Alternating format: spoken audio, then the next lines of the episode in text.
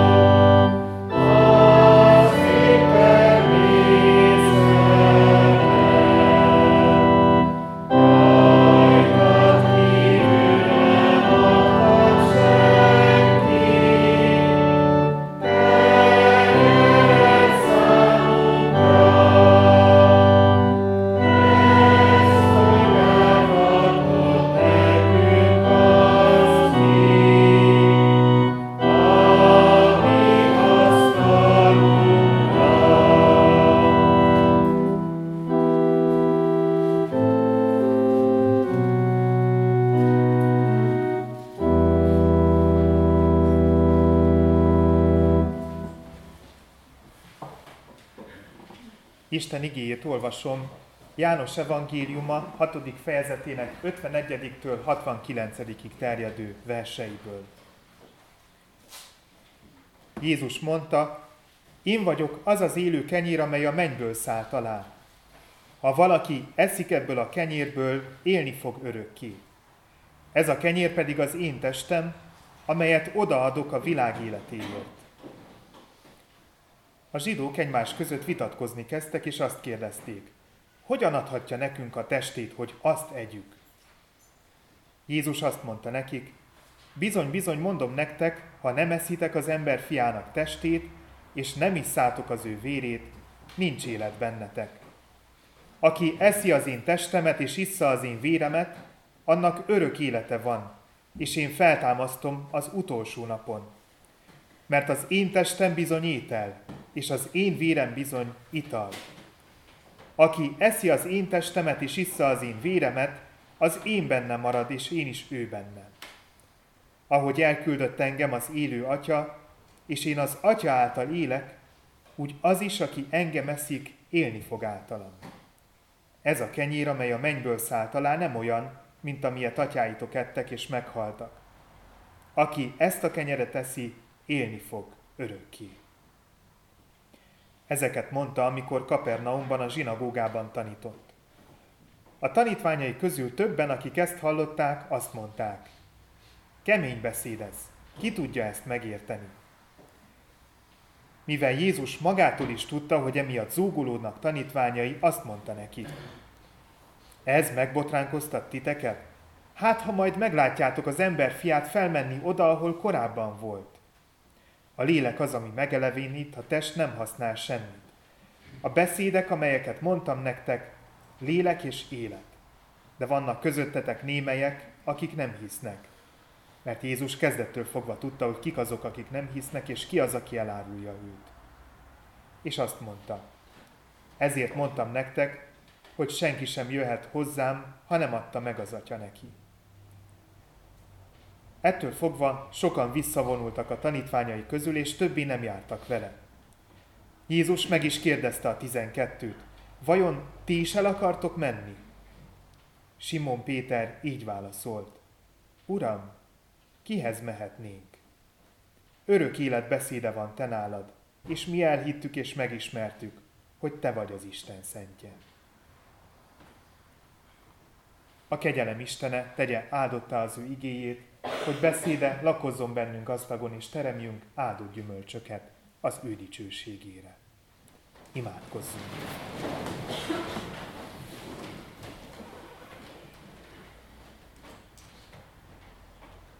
Úr Isten, örökkivaló és mindenható atyánk! Íme egybegyűltünk itt, és a szentek egyességében az angyalok és üdvözült lelkek társaságában trónusod elé visszük áldozatunkat. Megvalljuk és megismerjük szent felséged előtt, hogy mi szegény bűnösök vagyunk. Bűnben fogantatva hajlandók minden rosszra, és soha meg nem szűnünk áthágni szent rendeléseidet. Mikor ezt cselekedjük, igazságos ítéletedből romlást és kárhozatot vonunk magunkra. Mindazáltal, Urunk, bánjuk, hogy téged megbotránkoztattunk, és kárhoztatjuk magunkat és bűneinket, igaz bűnbánattal kérve, hogy a te kegyelmed jöjjön segítségül minékünk. Alázattal kérünk, szerető, irgalmas atyánk, hogy könyörülj rajtunk. Töröld el bűneinket növeld és sokasítsd meg rajtunk napról napra szent lelked ajándékait, hogy igaz bűnbánatunk teremje a megtérés gyümölcseit, amelyek kedvesek te előtted. Vallást teszünk azért a te színed előtt, hogy egyszülött fiadba, a mi Úrunk Jézus Krisztusba vetjük egyedül hitünket és reménységünket, bizonyosak lévén afelől, hogy hitáltal részeseivé lehetünk a Te benne kijelentett kegyelmednek, melyet adj meg nekünk itt, és az örök valóságban, az ő nevéért. Amen. Miután megvallottuk bűneinket és bizonyságot tettünk hitünkről, halljuk meg Isten kegyelmes válaszát az ő igéje által. Úgy szerette Istene világot, hogy az ő egyszülött fiát adta, hogy valaki, hiszen ő benne, el ne vesszen, hanem örök élete legyen. Amen.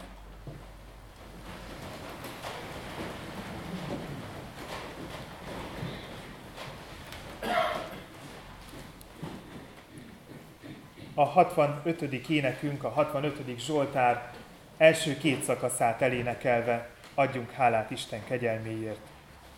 A 65. ének első szakasza így kezdődik. A Sionnak hegyén, Úristen, tiéd a dicséret.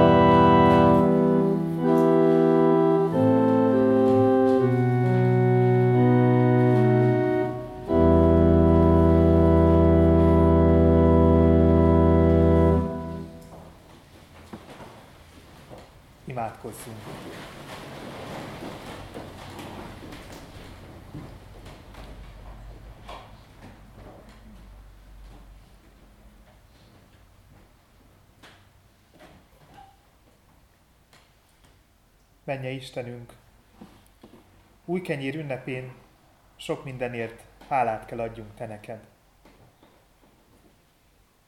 Az aratás egyrészt arra emlékeztet bennünket, hogy lesz számunkérés akkor, amikor majd visszajön a Te szent fiad erre a földre. De hálát adunk neked azért, hogy őt először elküldted, meghalt a bűneinkért, megváltott bennünket, és így a számonkéréskor, a nagy aratáskor reménykedhetünk abba, hogy majd a te csűrödbe takarítatunk. A te mennyei örökkivaló országodban lehetünk a te kegyelmeddől. Ugyanakkor arra is emlékezünk, és arról is hálát adunk te neked új kenyér ünnepén, hogy te vagy az, aki gondoskodsz a mindennapi eledelünkről. Te vagy az, aki megáldod a földet, hogy megteremje az eledelt számunkra. Te vagy az, aki kirendeled nekünk, és megmutatod, hogy milyen úton, módon tudjuk megszerezni magunknak a mindennapi kenyeret. Te vagy az, akinek köszönhetjük az életünket, az egészségünket, te vagy az, aki mindig vigyázol ránk, és figyelemmel követed a sorsunkat. Ugyanakkor, miután hálát adtunk neked mindezért, arra kérünk, hogy te légy az, aki előkészíted és megáldod a szívünk szántóföldjét is. Hiszen ahogyan a szántóvetők a maga idejében elvetik a gabonát, ugyanúgy te is szent lelked által elveted a szívünkbe az igét. Készítsd elő a szívünket erre a magvetésre, arra kérünk Istenünk. És Te áld meg a vetést, hogy felnövekedve a hála gyümölcseit tudjuk teremni. Menje Istenünk, Te áldottál ezt a mai délelőttöt, áld meg az ige hirdetését, hallgatását, tégy figyelmessé bennünket, és add, hogy az ige üzenetét magunkkal tudjuk vinni, és általa táplálhassuk azokat az embertársainkat, akik nem tudnak most közöttünk lenni. Jézus nevében kérünk, add, hogy érezzük, hogy jelen vagy most közöttünk. Az ő nevében kérünk, tedd áldottá ezt az órát. Amen.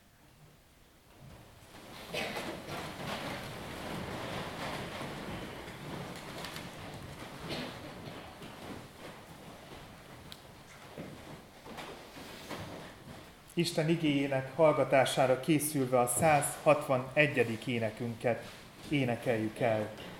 Szentlélek, védj körül bennünket, így kezdődik a 161. éneknek az első szakasza.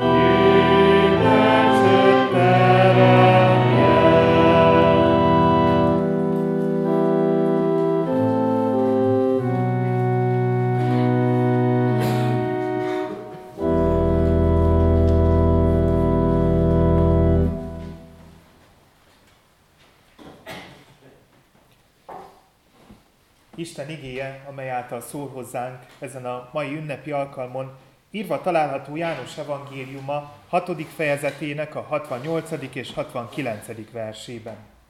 János evangéliuma 6. fejezetének 68. és 69. verséből olvasom Isten igéjét. Hallgassuk meg figyelemmel és alázatos szívvel.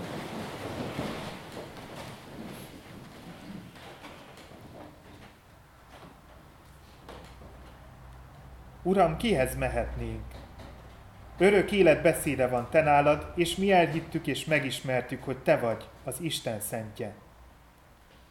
Uram, kihez mehetnénk? Örök élet beszéde van te nálad, és mi elhittük és megismertük, hogy te vagy az Isten szentje.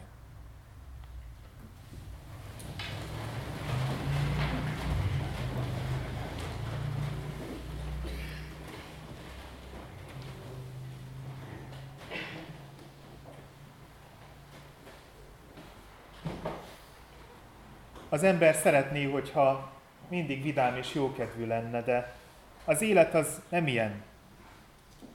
Lehet az embernek egyik pillanatban jó a kedve, és a másik pillanatban már el is romlik és elszomorodik. Folyton változik a kedvünk, és folyton változik a hozzáállásunk is a bennünket körülvevő világhoz. Ritka az olyan ember, aki többi-kevésbé mindig ugyanúgy érez, akinek mindig ugyanolyan a kedve. És ha van is ilyen, nekem az a tapasztalatom, hogy csak azért gondoljuk így, mert nem ismerjük őket elég, és nem vesszük észre azokat az apró jelzéseket, amelyeket küldenek olyankor, amikor változik a hangulatuk, amikor belső érzelmi folyamatok indulnak meg bennünk. Folyton változnak és hullámzanak az érzelmeink, és ez nagyon emberi dolog, ez teljesen normális. Sokszor tapasztaltam és tapasztalom azt is azonban, hogy amikor többen találkozunk és többen együtt vagyunk, még ha csak néhány szót is váltunk egymással, elkezdjük ezeket a nagy hullámzásokat, ingadozásokat szép lassan kiegyenlíteni. Találunk egyfajta közös nevezőt, egy közös hullámhoz, amelyen megszólíthatókká válunk. Már ezért megéri az, hogy az ember több társával együtt összegyűjjön, vagy akár eljöjjön Isten házába. Eljövünk, ha egy kicsit előbb érkezünk, akkor megosztjuk egymással azokat a dolgokat, amelyek a szívünkön vannak, a bennünk kavargó érzéseket, hangulatokat, majd hat ránk az Isten tiszteletnek a hangulata is, és az egyéni hangulataink egyfajta közösségi érzésé szelidülnek, amely készen áll arra, hogy meghallja és befogadja Isten igéjét, a lelki táplálékot.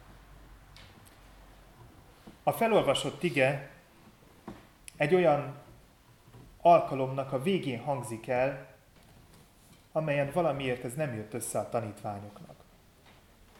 Hallhattuk azt az Isten tisztelet elején felolvasott ige részből, hogy zavarodtak, meg voltak botránkozva. A tanítványok nem jutottak el arra a közös hangulatra, arra a közös nevezőre, amelyre szükség lett volna ahhoz, hogy be tudják mindannyian fogadni Jézusnak a szavait. Ennek természetesen több oka is lehetett. Az egyik oka, hogy Jézus mondott olyasmiket, amelyek megosztották a hallgatóságát, amelyel nem mindenki tudott egyetérteni, és amik természetesen bennünket is megosztanak. Biztos vagyok benne, hogy mindannyiunk számára vannak olyan bibliai igék, bibliai történetek, amelyeket nem tudunk hova tenni, nem tudunk könnyen megemészteni. Valószínűleg nem mind ugyanazokról a történetekről van szó, hiszen korosztálytól és élethelyzettől függően más és más az, amit könnyebben el tudunk fogadni, vagy nehezebben emésztünk meg. Jézus maga mondta a Máté evangéliumában, hogy meghasonlást támasztani jött a világra. De nem azért, hogy folyton vita és békétlenség legyen közöttünk, akár családon belül is, hanem azért, hogy meglátva a sokféleségünket, meglátva azt, hogy folyton változásban vagyunk, elkezdjünk az örök kivalóhoz igazodni, aki egyfajta állandóságot is jelent számunkra hogy elkezdjük mindenkinél jobban szeretni azt, aki mindennél jobban szeretett bennünket. Jézus szavai mindig megosztók. De csak addig kényelmetlenek, amíg el nem kezdünk mindannyian Istenhez igazodni. Ez nem minden tanítványának sikerült akkor sem, és ma sem sikerül mindenkinek, és főleg nem sikerül egyből. De nagyban hozzájárulhatott az is ahhoz, hogy nem voltak egy hullámhosszon a tanítványok, hogy ezen a pontján a történetnek a tanítványok túl sokan voltak. Túlságosan nagy volt a tanítványi sereg. Jézusnak tudjuk, hogy nem csak 12 tanítványa volt. Volt egy belső tanítványi kör, akik Júdás kivételével mindvégig mellette maradtak. Ott volt a 12 tanítvány, és mellettük ott voltak az asszonyok is, akiket ott találunk a feltámadáskor az üres sír mellett. De voltak nagyon sokan, akik csupán csak lazán kapcsolódtak a tanítványi sereghez, és nem voltak ott minden egyes alkalommal. Volt, hogy kihagytak egy-egy alkalmat, volt, hogy néha megmegjelentek a tanítványok körében. Pár verssel ezelőtt arról olvashatunk itt a János evangéliumában, a hatodik fejezetben, hogy ezen a ponton 5000-en voltak Jézus mellett a pusztában. Ezt az 5000 férfit pedig Jézus megvendégelte, szétosztva az öt árpakenyeret és a két halat, amelyet egy kisfiú ajánlott fel a tömegből. Ez a sokaság napokig Jézussal volt. Egy részük tanítványnak tartotta magát, másik részük pedig azért volt ott, mert szerettek volna Jézus tanítványává válni. Nagy hatással lehettek rájuk a Jézus tanításai is. Főleg azok a tanítások, amelyeket a társadalmi igazságossággal kapcsolatban mondott, amit az őszintességről és a jó lelkűségről tanított, és amelyek a hegyi beszédben is elhangzottak. A Biblia kutatók szerint azok a tanítások, amelyeket a hegyi beszédben olvashatunk, illetve Lukács evangéliuma szerint Jézus mezei prédikációjában azok a tanítások nem csak egy-egy alkalommal hangzottak el, hanem számos alkalommal hallhatták a Jézust követők. És annyira nagy hatással lehetett rájuk a Jézusi tanítás, hogy még királyá is akarták tenni őt. Végre valaki, akiben megvan a képesség arra, hogy jó vezetője legyen Izraelnek, és egy igazságos társadalmat teremtsen. Jézus azonban nem ezt akarta. Ő nem akart földi király lenni, és éppen ezért valósággal elmenekült előlük, visszavonult a hegyre. Majd később a vizen járva csatlakozott a hajún Kapernaumba tartó tanítványi sereghez. A kis tanítványi sereghez, a belső körhöz. A sokaság azonban Kapernaumban is megtalálta őt, és az az ige, ami Isten tisztelet elején felhang, elhangzott, az már olyasmi, ami Kapernaumban történt, amikor végre ismét rátaláltak Jézusra. Ám amiket ekkor mondott Jézus, az nem jutott el az embereknek a szívéig. Igazából én úgy látom, hogy nem is figyeltek arra, amiket Jézus mondott. Csupán csak arra összpontosítottak, hogy ők királyá akarják tenni Jézus mindenképpen. És amikor Jézus arról kezdett beszélni, hogy ki is ő valójában, akkor ezek az emberek megbotránkoztak. Nagy kérdés az, hogy ha kevesebben lettek volna jelen, akkor megbotránkoztak volna-e. Ha nyugodtan végighallgatták volna őt, ha megpróbálták volna jobban megérteni azokat a dolgokat, amiket mondott, ha a tömegben nem lettek volna hangadók, akik egyszer királyá akarták őt tenni, másszor pedig istenkáromlással vádolták, nagy kérdés, hogy akkor vajon célba ért volna-e az, amit Jézus elmondott. Az igében azt írja, hogy a sokasággal együtt a tanítványok egy része is megbotránkozott. Megbotránkoztak azon, amit Jézus mondott, és úgy szóltak, hogy kemény beszéd ez. Ki tudja megérteni? És amiket Jézus mondott, az valóban kemény beszéd volt, ahhoz képest, amit a hegyi beszédben olvasunk. A hegyi beszéd tanításait olvasva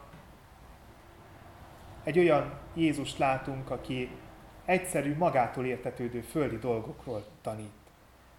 Biztosan volt már olyan érzésünk, hogy hallgattunk egy bölcs embert, egyszerű emberről van most szó, és az volt, azt éreztük, mintha mi ezeket a dolgokat már tudnánk, ezeket a dolgokat hallottuk volna. Sokszor nagy emberek előadásaikor ez az embernek az érzése.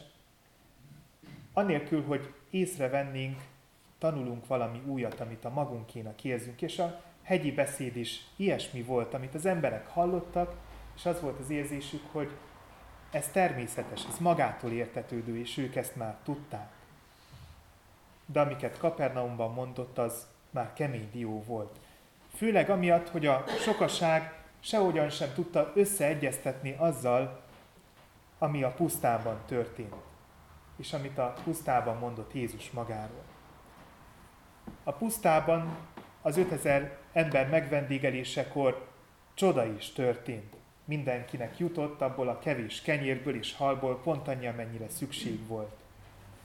De Kapernaumban arról beszélt Jézus, hogy ne figyeljenek erre a csodára.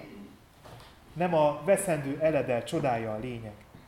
Ne arra vágyjanak, ne azért fáradozzanak.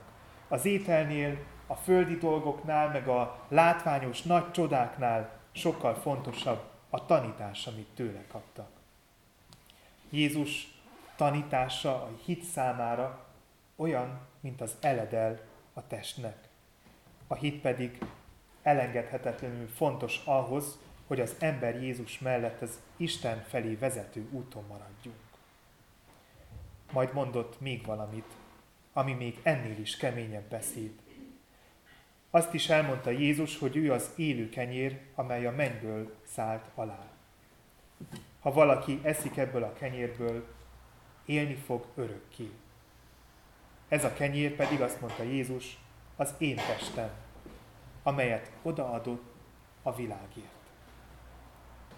Arról tanított Jézus, hogy aki eszi a testét, illetve issza a vérét, az egyé válik az igével. Egyé válik vele. És vele együtt a feltámadás vár rá, ahogyan Pálapostól is tanított később a Kolossai levélben, annak az élete Krisztussal együtt el van rejtve Istenben. Persze fontos dolog a testi eledel is. Földi testünknek nagy szüksége van rá, az energiánkat biztosítja a testi eledel, és az energia pedig elengedhetetlenül fontos ahhoz, hogy végezni tudjuk a munkáinkat. És még mindig vannak olyan helyek a világon, ahol komoly problémát jelent megszerezni a mindennapi kenyeret. Jézus mindig azzal kezdte az ige hirdetést, hogy testileg táplálta a körülötte levőket. De a testi eledel mellett, ha jól megfigyeljük az evangéliumban, mindig ott volt a lelki eledel is. És nekünk sohasem szabad elfeledkeznünk arról, hogy a testi táplálék mellett nagyon nagy szükségünk van az ige lelki táplálékára is. Enélkül a hitünk erőtlenné válik. Enélkül könnyen elfeledkezünk arról az ember feletti áldozatról, amelyet Jézus hozott az emberiségért. Enélkül nagyon könnyen szem elől tévesztjük az életünknek az igazi irányát, amely fele haladnunk kell, illetve nagyon könnyen megfeledkezünk arról is, hogy Jézus Krisztusért már itt a Földön mi is Istenhez tartozunk. És amellett, hogy ez egy hatalmas ajándék és lehetőség, a hála adás kötelez bennünket arra, hogy igéje szerint éljünk. Amikor Jézus emberi dolgokról beszélt, arról, hogy hogyan lehetne igazságosabb a világ, hogyan lehetne sokkal inkább szeretetben élni, hogyan kellene megbocsátanunk a másik embernek, és még akkor is, amikor arról beszélt, hogy az embernek meg kell osztania azokat a dolgokat, amilyen van másokkal, olyankor is mindenki tátott szájjal hallgatta és dicsérte őt. Amikor azonban elkezdett a szenvedéséről beszélni, amikor arra emlékeztette a körülötte levőket, hogy ő értünk jött meghalni, áldozatként ajánlva fel önmagát a kereszten, hogy nekünk is megadathasson Isten kegyelme és az örök élet. Olyankor nagyon sokan megbotránkoztak körülötte mindig. Az Isten tisztelet elején felolvasott igében azt is írja, hogy egyesek fennakadtak azon, hogy hogyan lehet Jézus testét enni és vérét inni. Majd egyesek zúgolódtak, mások pedig kezdtek elpártolni Jézustól, még a tanítványok közül is. A belső tanítványi kör azonban, amely mindvégig mellette volt, és sok időt töltött vele, hűséges maradt hozzá. Valószínűleg ők sem értettek mindent, amit Jézus elmondott. Lehet voltak olyan tanításai, amelyeket hallgatva nekük is felszaladott a szemöldökük. De hogy sokat voltak együtt Jézussal, kialakult közöttük egyfajta kötődés. A sok vele töltött órának és napnak köszönhetően. És tudták azt, nem volt kérdés számukra, hogy Jézus mellett van a helyük. És amikor Jézus rájuk kérdezett, hogy ők is el akarnak menni, ők is magára akarják hagyni őt, Simon Péteren a szószólójukon keresztül így válaszoltak neki. Uram, kihez mehetnénk? Örök élet beszéde van te nálad, és mi elhittük és megismertük, hogy te vagy az Isten szentje. Sokszor kemény beszéd, sokszor kemény eledel, Isten igéje. Az emberi értelem számára nehezen elfogadható és felfogható az, amit Jézus tett ezért a világért, az elveszett emberiségért. Csak úgy tudja elfogadni az ember, hogyha valamennyire feladja az általa természetesnek tart, tartott szabályszerűségeket, amiket megtapasztalt az életben és alapigasságnak tekinti azt, amit az evangéliumok írnak, hogy Krisztus Isten fiaként meghalt, és feltámadt értünk. Ebben nagy segítségünkre lehet az, ha rendszeresen veszünk magunkhoz igei táplálékot is. És az is nagy segítség, ha van egy földi közösség, amely Krisztus testeként van jelen a világban, és a tagjaivá fogad bennünket. Lehet egyedül is olvasni a Bibliát, persze lehet egyedül is imádkozni, és kell is a saját szobánknak a csendjében. De együtt mindig más. És nagyon sok olyan tanítása van Jézusnak, amely nekünk együtt szól, amely a közösséget szólítja meg. Kívánom, hogy amikor együtt vagyunk jelen Isten színe előtt, érezzük megtisztelve magunkat, hogy Isten meghívott és kiválasztott bennünket, és mindig tapasztaljuk meg az ő megelevenítő szent lelkét, amely által visszatérve a mindennapi, hétköznapi életbe nem a földieket keressük, hanem az odafennvalókat, ahol Isten jobbján ott van Jézus. Amen.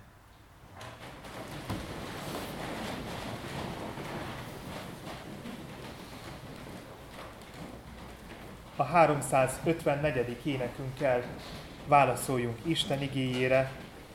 A 354. énekünk így kezdődik, megáll az Istennek igéje.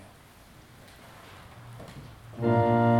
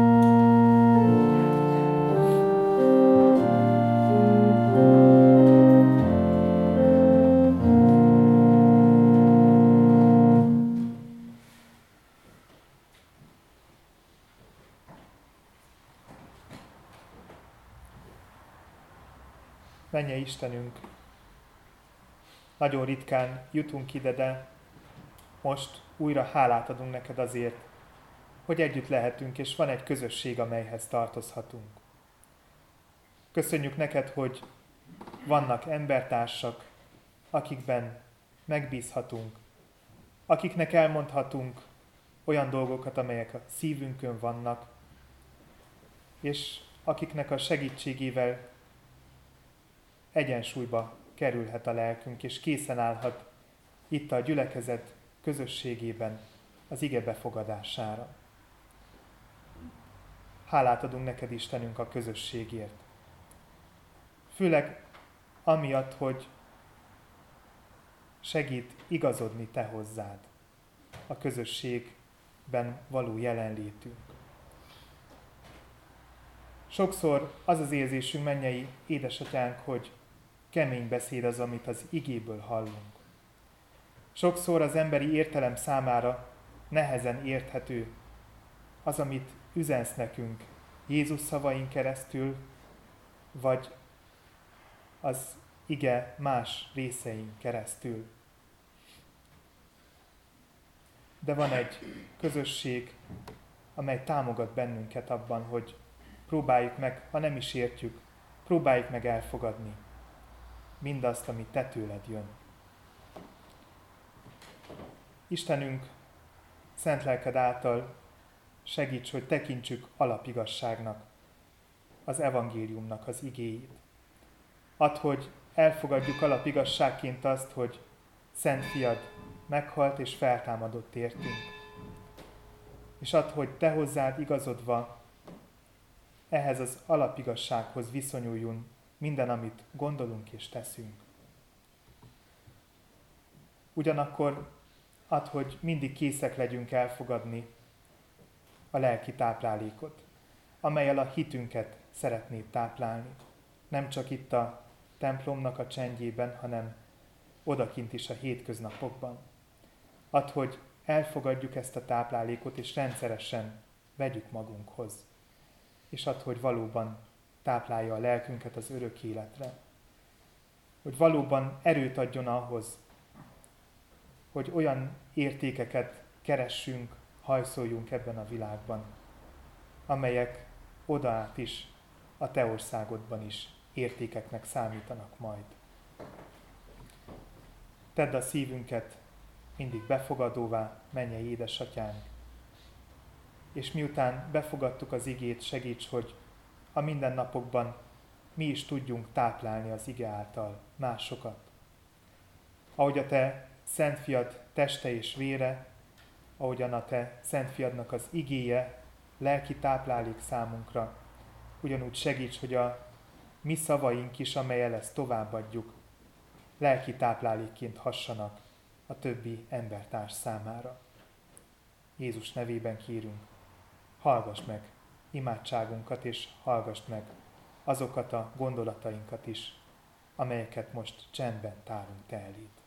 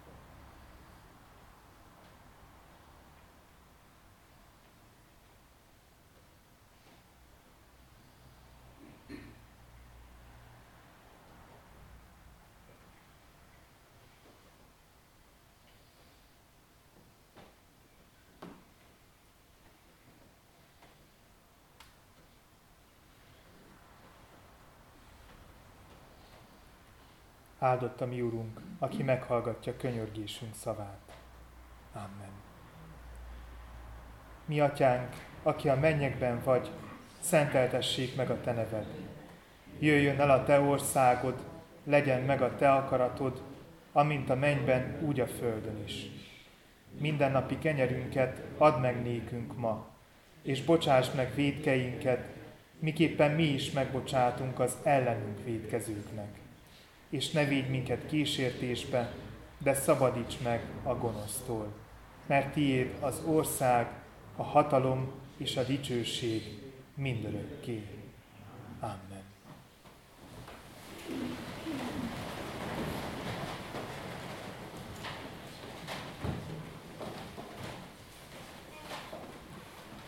Hirdetem a gyülekezetnek, hogy amint azt megígértük, az úrasztalát megterítettük, készüljünk a királyi vendégségre, elénekelve a 264. énekünket. Lelkem siet hozzád menni, ám bár gyenge ereje. Így kezdődik a 264. éneknek az első szakasza.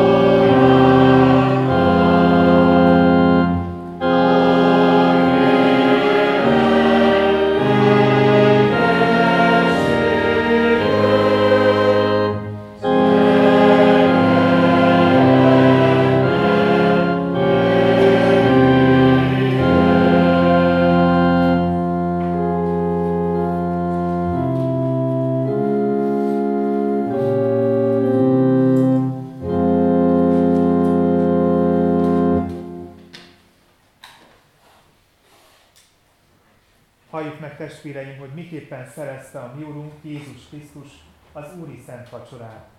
Megírta Pálapostól az első korintusi levél 11. fejezetének 23. és azt követő verseiben a következőt.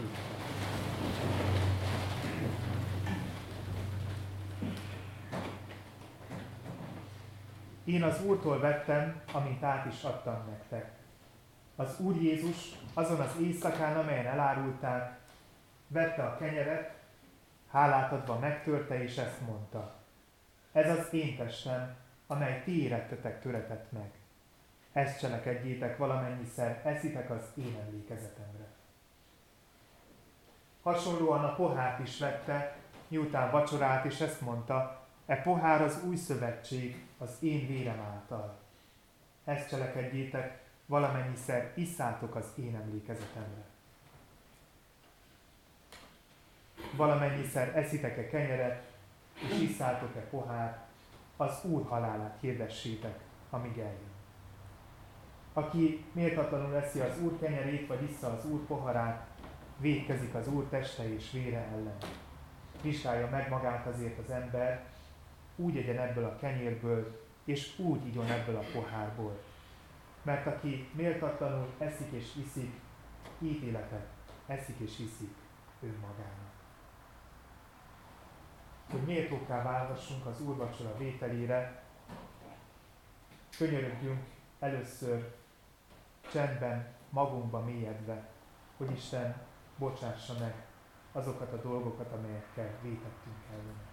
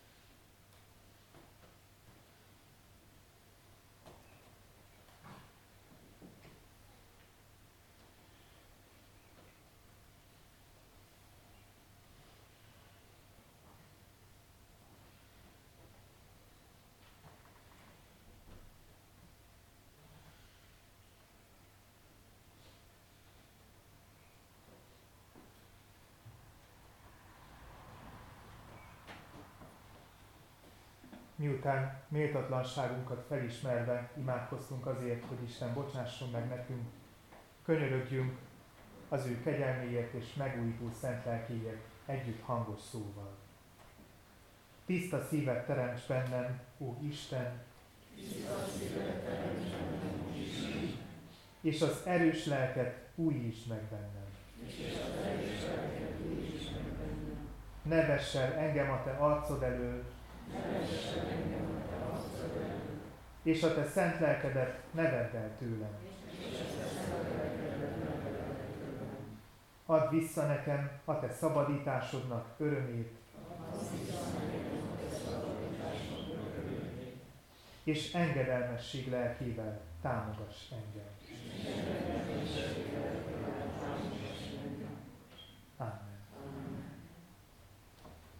Miután Istenhez könyörögtünk, tegyünk vallást együtt a hitünkről, elmondva az apostoli hitvallást.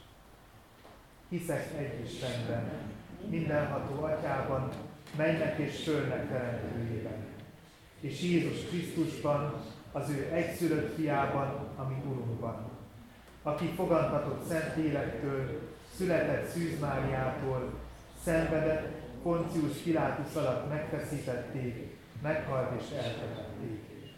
Alászállt a pokolra.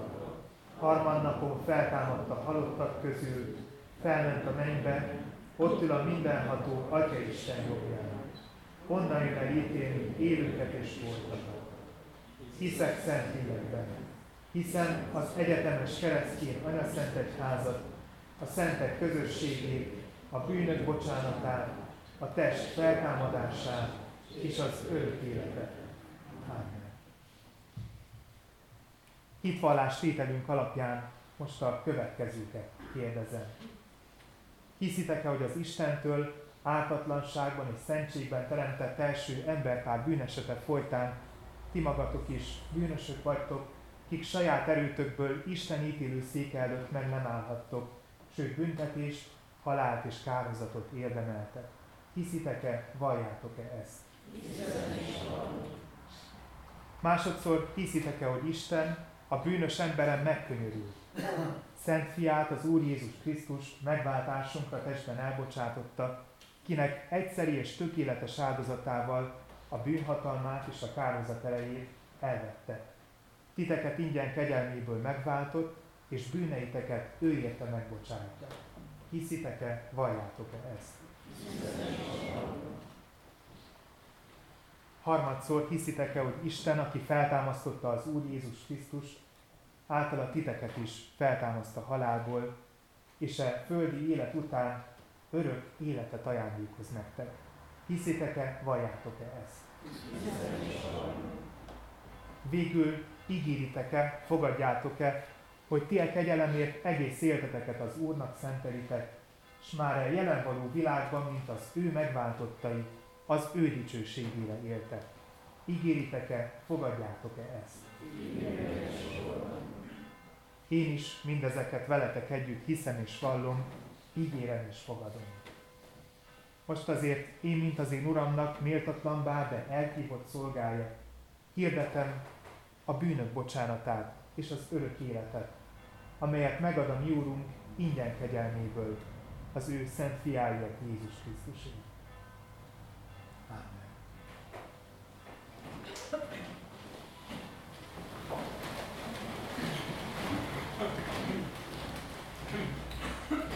Most pedig miután előkészítettük magunkat, járuljunk a Szent Asztalhoz alázatos szívvel és a szokott rendben. A Szent Jegyek magunkhoz vétele alatt a 262. énekünket énekeljük. Megterítve áll előttünk a szeretet asztala, így kezdődik a 262. ének első szakasza.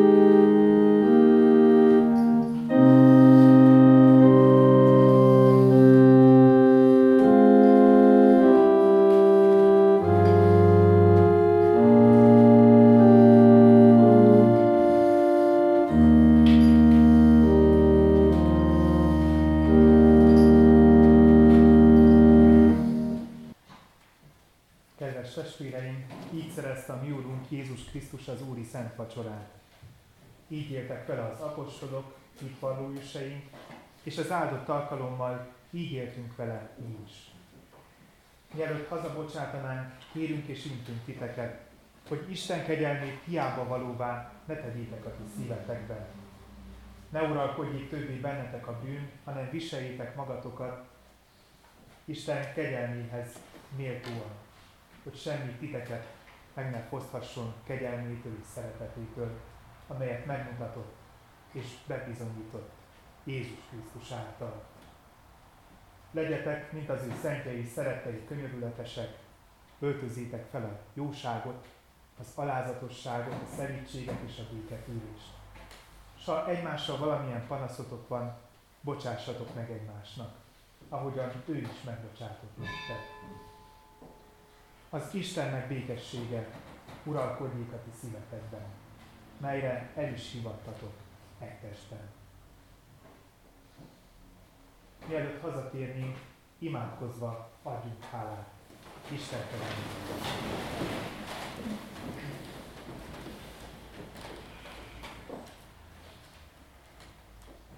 Mennyei édesatyánk! A Szent Vacsora sákramentumában bocsánatodnak jegyét és zálogát adtad nekünk a Jézus Krisztus által. Mit adjunk mi te néked a te jó téteményeidért? Hirdettük egész életünkben a te kegyelmek gazdagságát, amely által minket gyermekeidé fogadtál, és a te örökségedbe elválasztottál. Istenünk, nagy áron váltottál meg minket, melyért téged magasztalni, lelkünket és testünket te neked szentelni, ez lesz életünk öröm. Fogadd el, Urunk, hálánkat, és segíts minket a Te kegyelmeddel, hogy amit neked a szent alkalommal fogadtunk, be is teljesíthessük. Legyünk hűek Te hozzád, mint halálig. Taníts minket akaratot cselekvésére. Szentelket szüljön minket újjá, hogy mától fogva a Jézus Krisztusba vetett hitben éljünk, aki szeretett minket és önmagát adta értünk. Szentelj meg minket tökéletesen. Tartsd meg testünket és lelkünket szentségben, fetetetlenségben, amíg eljön a mi megváltó Jézusunk, kinek veled, mi atyánkkal, és a Szent Lélekkel, ami vigasztalunkkal együtt, legyen örökkévaló hála és dicsőség.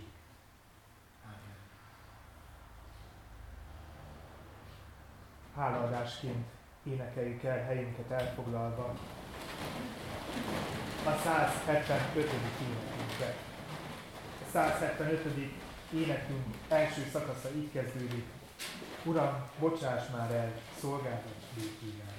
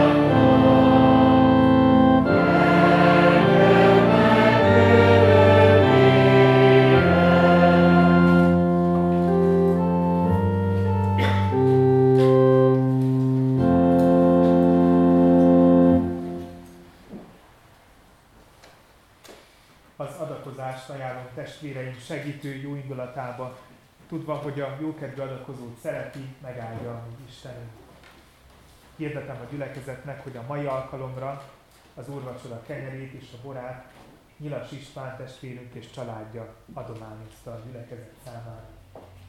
Ugyanakkor azt is hirdetem, hogy hat személy, illetve házastárs adott úrvacsorai adományt összesen 600 lej értékben. Azt kérték, hogy a nevüket ne említsük meg. Isten gazdagállását kérjük az ő életükre is. Szeretném azt is hirdetni a gyülekezetnek, hogy a jövő héten a gyermekek számára vakációs Biblia hetet tartunk hétfőn, kedden, csütörtökön, pénteken és szombaton, tehát csak szerdán nem lesz Biblia hetes foglalkozás. Hétfőn, kedden, csütörtökön, péntek és szombaton viszont várjuk őket sok szeretettel, délelőtt 10 órától déli 1 óráig. Addig fognak tartani a foglalkozások. Áldásra várva arra kérem a gyülekezetet, hogy énekeljük el együtt nemzeti imádságunkat. dicsőségére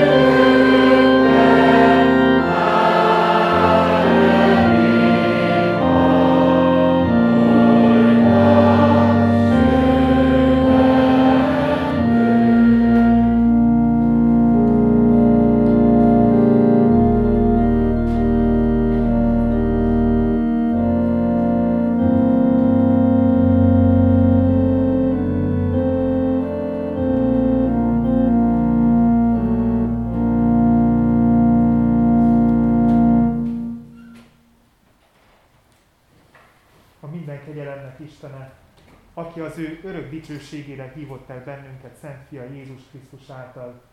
Ő tegyen titeket tökéletesekké, erősekké, szilárdakká és állhatatosakká. Övi a dicsőség, övi a hatalom, örökkön örökké.